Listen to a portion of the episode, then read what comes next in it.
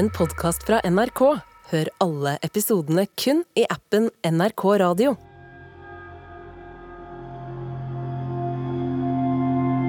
På et hotellrom sitter ei kvinne, en politimann og en patolog.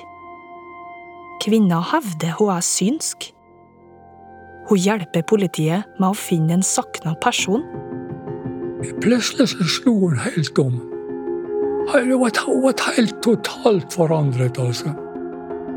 Men kvinna sliter med å bli trodd på at hun er synsk. Hun vil at patologen skal hjelpe henne med å bevise det. Fordi at hun trodde at det var et område i hjernen som da var ansvarlig for denne synskheten, og at det kunne påvises. Det her er mysteriet om politiets synske hjelper.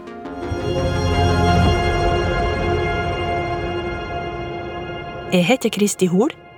Reporter er Charlotte Hårvik Sanden.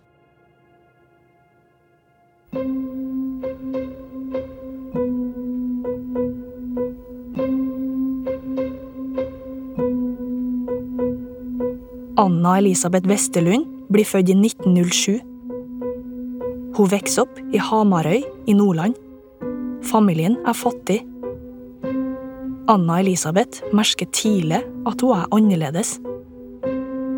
Hun føler at hun kan se inn i framtida, men hun holder det hemmelig. For hun er redd for å bli innlagt på sinnssykehus.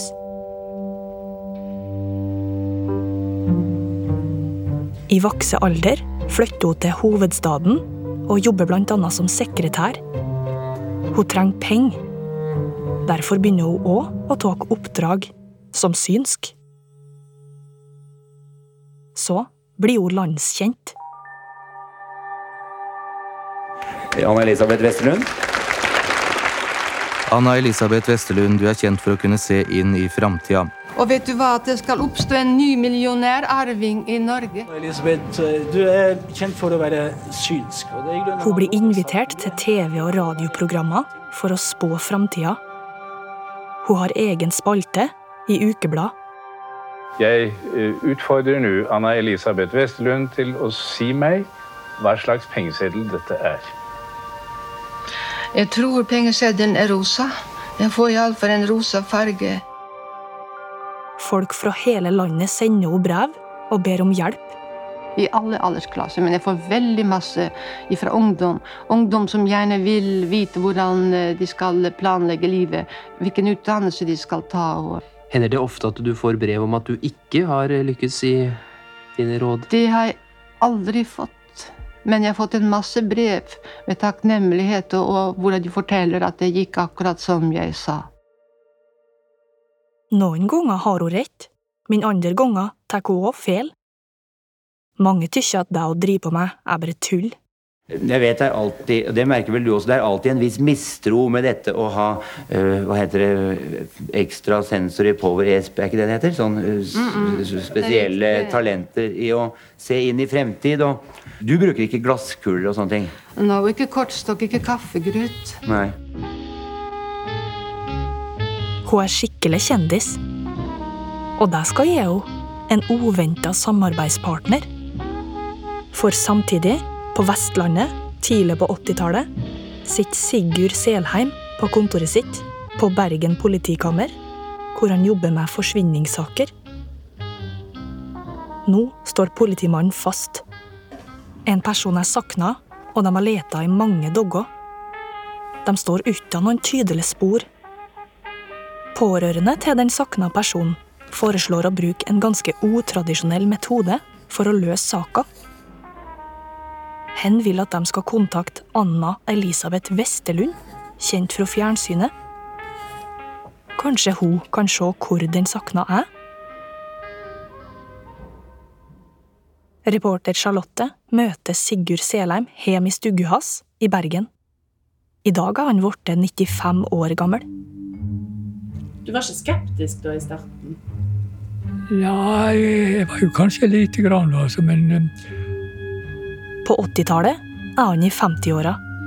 Sjefene hans er skeptisk til å bruke en synsk person i etterforskninga. la, la ned forbudet, så her ledelsen er innom at de ikke ville se ham inn på kammeret. men han går med på det. De pårørende betaler for reisa og oppholdet hennes. Og når de hadde sagt seg villige så var det vi som avtalte med henne. Han avtaler det direkte med henne. Det blir starten på et flere år langt samarbeid. Med såkalla møter på rom 708 på Hotell Norge i Bergen sentrum. De begynner med at Sigurd Selheim ringer Anna Elisabeth. Hun kom så raskt som hun kunne, så det var, hun kunne komme dagen etterpå. Jeg ringte til henne. Han henter henne på flyplassen i sin private bil. Kom hun i en gammel, eh, gråaktig kåpe. Si kåpe og en gammel hatt, og så en koffert som var Han var helt utslitt. Sånn, eh, han var faktisk av papp, hele kofferten. Han kjører henne til Hotell Norge. Der er rom 708 booka. Det- Alle ventiler måtte teipes igjen, for hun skulle ikke ha noen lyder inn i, i rommet. Altså. Hun måtte ha, og jeg tror hun måtte ha stolen vendt med en viss retning òg. Det blir gjort opptak av et møte i september i 1980.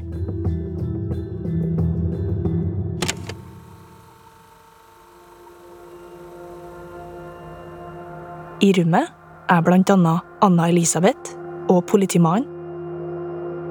De setter seg ved et bord sammen med ei kvinne. Mannen hennes er forsvunnet. Anna Elisabeth Westerlund stiller hun noen spørsmål. Nå, så når var det at du tenk, begynte å tenke på at han ikke var kommet hjem? og sånt? Når var det du begynte å tenke på det? Kvinna svarer rolig. Mannen har sagt til henne at han skulle ned til båten sin i havna i Bergen. Og så kom han aldri tilbake. Politiet har leta, men ikke funnet. Er det, er det uke 14 dager siden han forsvant? Hvor lenge er det siden nå? Det er en uke forrige lørdag. De svarer kort på spørsmåla hun stiller. Uten å vite hvordan mannen ser ut, begynner hun å beskrive han. Og gikk han mange ganger i mørke eller i blå klær eller noe sånt? Jeg får sånn mørke klær, eventuelt blå klær og dress.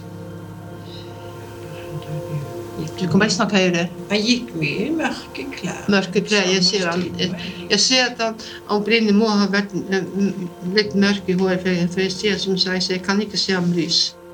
Men så ser hun noe mer detaljert. På brøstet til Maren. Du har han hatt operasjon, eller jeg kommer, eh, har han hatt operasjon, eller, eller noe sånt. Jeg synes jeg ser et operasjonsarm på ham. Jeg synes jeg ser det, ja. Kvinna svarer at det stemmer. Han har blitt operert tidligere i livet. Folka rundt bordet sitter rolig for ikke å forstyrre Anna Elisabeth. Ingen vet enda hva denne seansen fører til, eller om de kommer til å finne ut noe som helst. Jeg har fått visse fornemmelser, men jeg vet ikke om de er eh, falske eller ikke. Jeg vet ikke. Plutselig så slo hun helt om. Hun var, helt totalt forandret, altså. Og hun, ble, eh, hun fikk et helt annet syn, og hun var liksom helt vekke fra oss. Anna Elisabeth virker plutselig som en annen person. Og hvis det, for, til å begynne med så var det akkurat som det kom skum ut av munnvikene på henne. Hun var helt i transe. Nei, Det var nesten så det var litt nifst. Hun begynner å komme med opplysninger som kan si noe om hvor mannen er. Alle spisser ørene. Mulig jeg tar feil, men jeg. Jeg tror så har gått, gått på beina sine, tatt det med ro. Og, og jeg får altså en våt følelse. Kan hende jeg tar feil, men eh, så, så tror jeg han kan være i eller i nærheten av vått. I vått, fortrinnsvis, vil jeg tro. Hun beskriver en del av havna der hun tror han befinner seg. I vannet. Politimannen skynder seg å notere underveis. Som jeg sier igjen her, på venstre side av ulykkesstedet skal det være en siloen. Bak skal det være disse husene, og til høyre ser jeg noe jern, som fælt jern som stikker ut i sjøen. I så fall så, så skal han jo være her. Og med klær, fatt ut i med klær, og ikke så helt frisk. Du, utenfor her, du begynner å se bunnen. Du begynner å se bunnen. Og så sier Vesterålen jeg ser Der vil de finne han. Kan Anna Elisabeth Verskele ha rett? Det er jo ikke så rart å anta at mannen er i vannet, siden det var havna han skulle ned til. Men samtidig, hun har vært ganske spesifikk på hvor i havna hun tror han befinner seg. Politiet drar ut og leter. De finner han der Anna Elisabeth spådde. Ja, hun hadde helt rett i det hun sa. Men hadde hun aldri vært der før? Nei, hun har aldri vært der. Aldri. Ja, jeg måtte jo allerede begynne å tro på henne der. Det måtte jeg. Jeg, jeg tror på henne, altså. Kona er veldig glad for hjelpa. I dødsannonsen takker hun Anna Elisabeth Westerlund.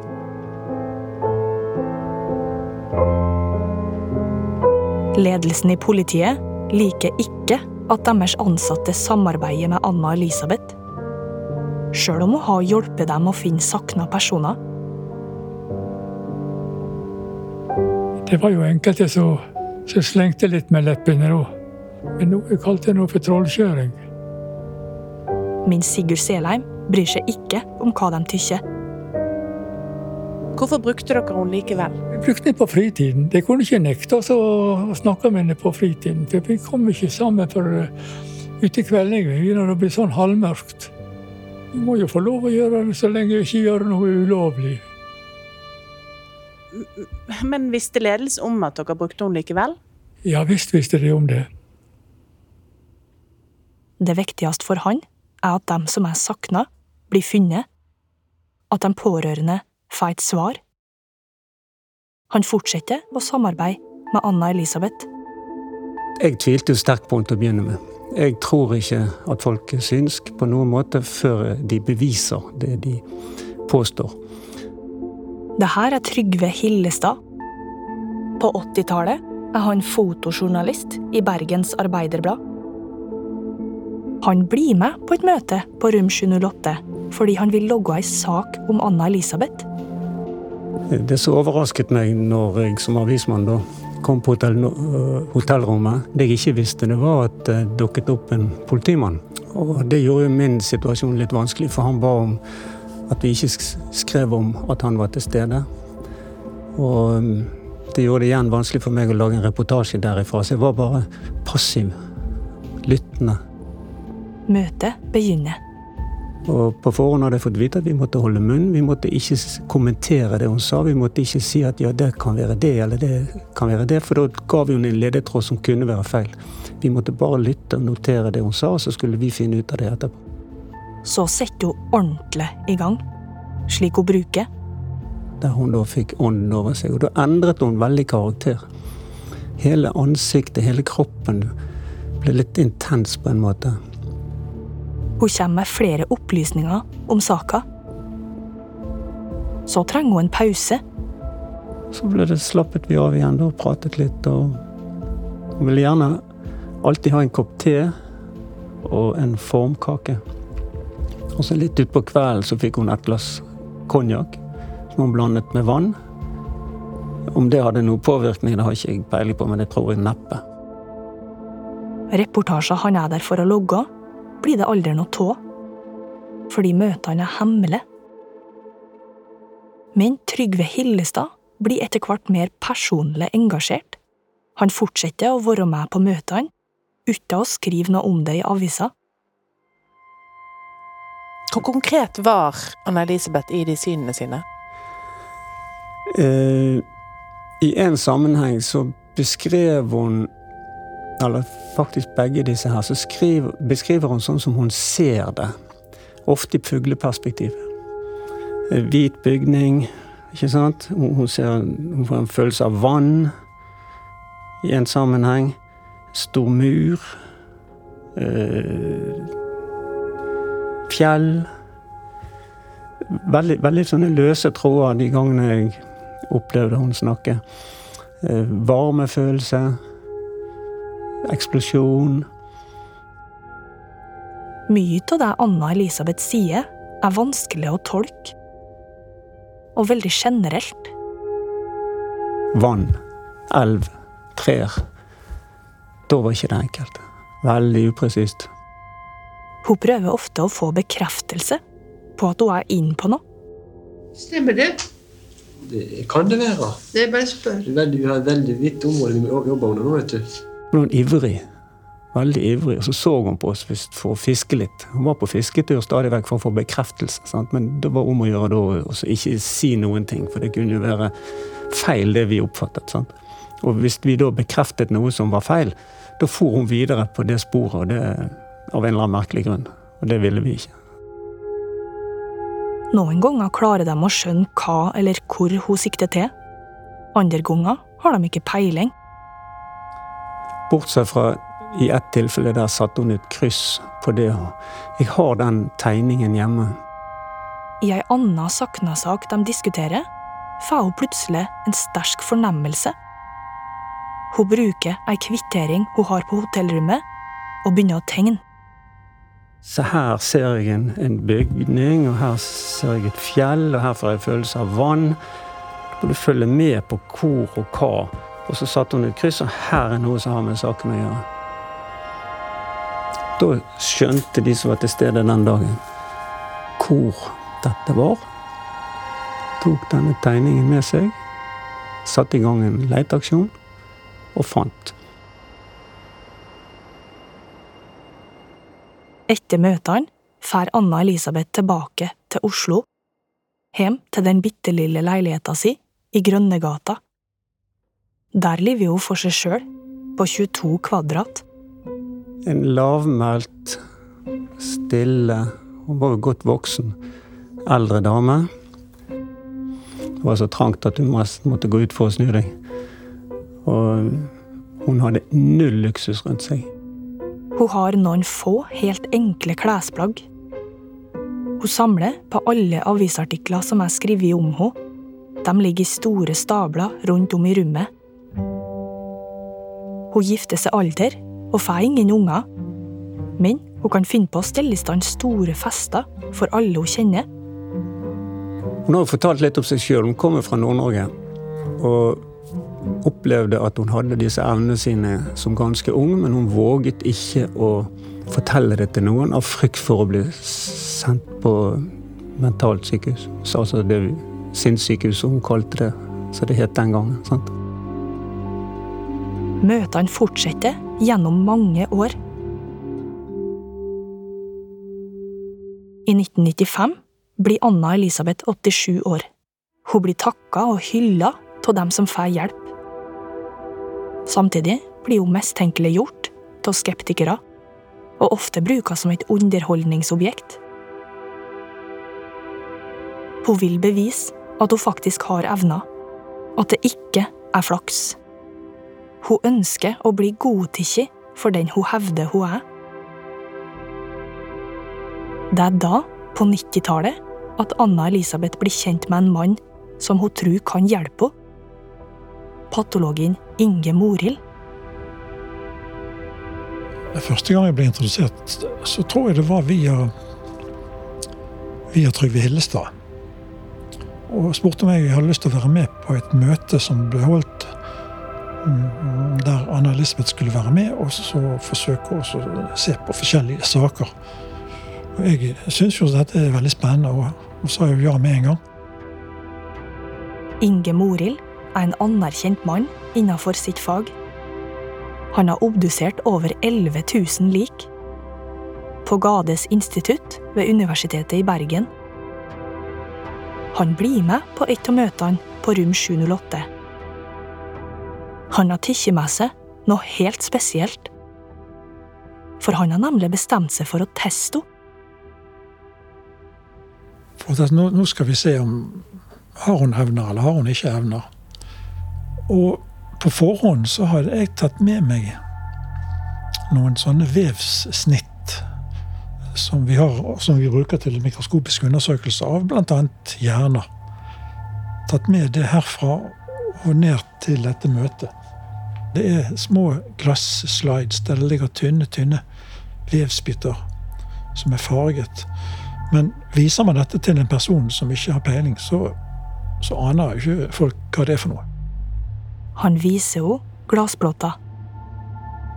Så jeg eh, sa til Anna Elisabeth Vesterlund hei, jeg kommer fra, ja, fra sykehuset og bare lurer på om jeg kunne si noe om dette her, som jeg viser deg her nå. Det hun ikke vet, er at vevsprøvene er henta fra offeret i en veldig kjent norsk drapssak som Morild har jobba med. Hun var ikke så veldig interessert til å begynne med, men så så hun på det, og så etter en stund så sa hun at ja, hun så en ung kvinne. Og så så hun masse blod. Og så så hun en beitemark. Og jeg lurer på om hun sa en steingard også. Og dette var da vev som var tatt fra, fra Birgitte Tengs. Og akkurat uh, den uh, Ja, den beskrivelsen hun ga der, det fikk meg jo til å Eller fikk hårene til å reise seg litt på, på ryggen på meg, da. Jeg syns det, det, passet veldig godt. å si noe sånt uten å vite noe som helst, det syns jeg var ganske imponerende. Jeg var jo Jeg hadde litt tro på henne på, på forhånd, men nå fikk jeg styrket troen min på at hun virkelig hadde evner. Anna Elisabeth har fått høre at han er patolog. Kanskje det her er mannen som kan bevise at hennes hjerne er annerledes? Det var jo Anna Elisabeth sjøl som, som, sa det til meg, at, at, du må undersøke hjernen min.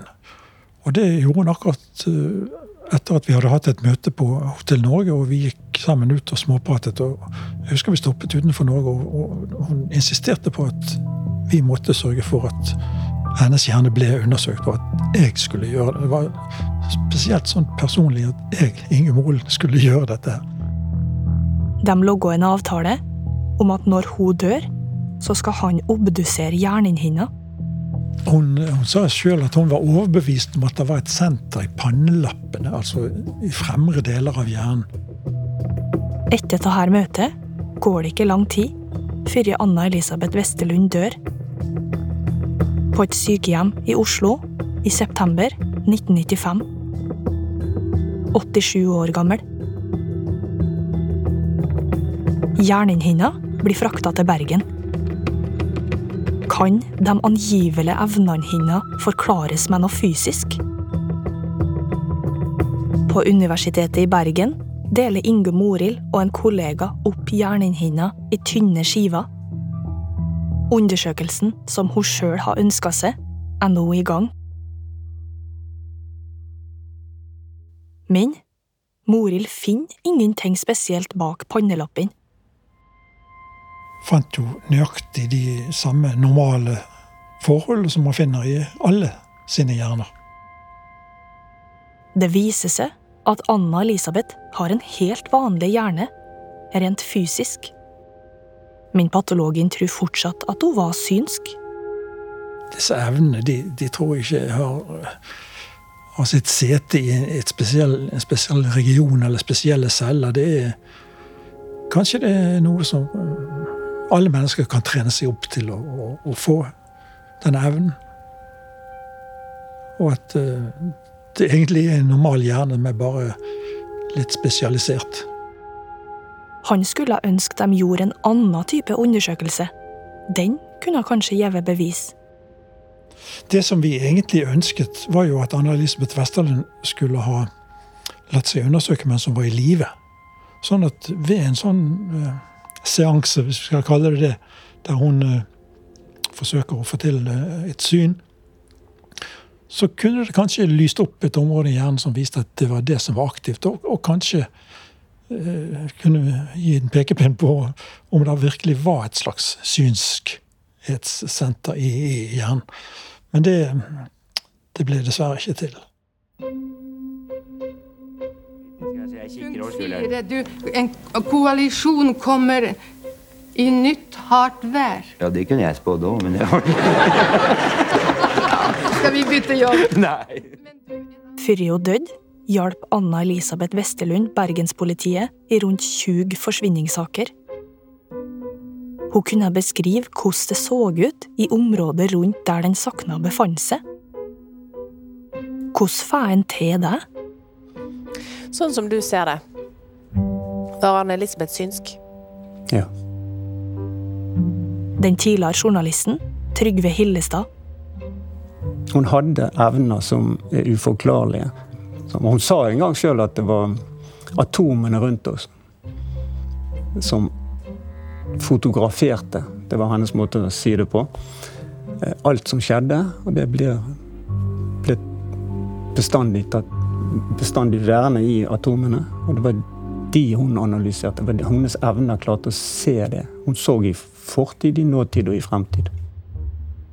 Hun ble kanskje mest trudd av noen, men de på hotellrommet trodde på henne. Patologen Inge Morild.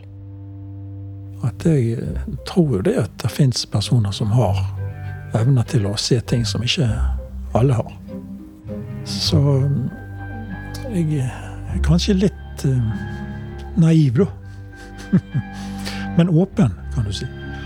Åpen for eh, at det er mer eh, i luften enn eh, vi vet. da.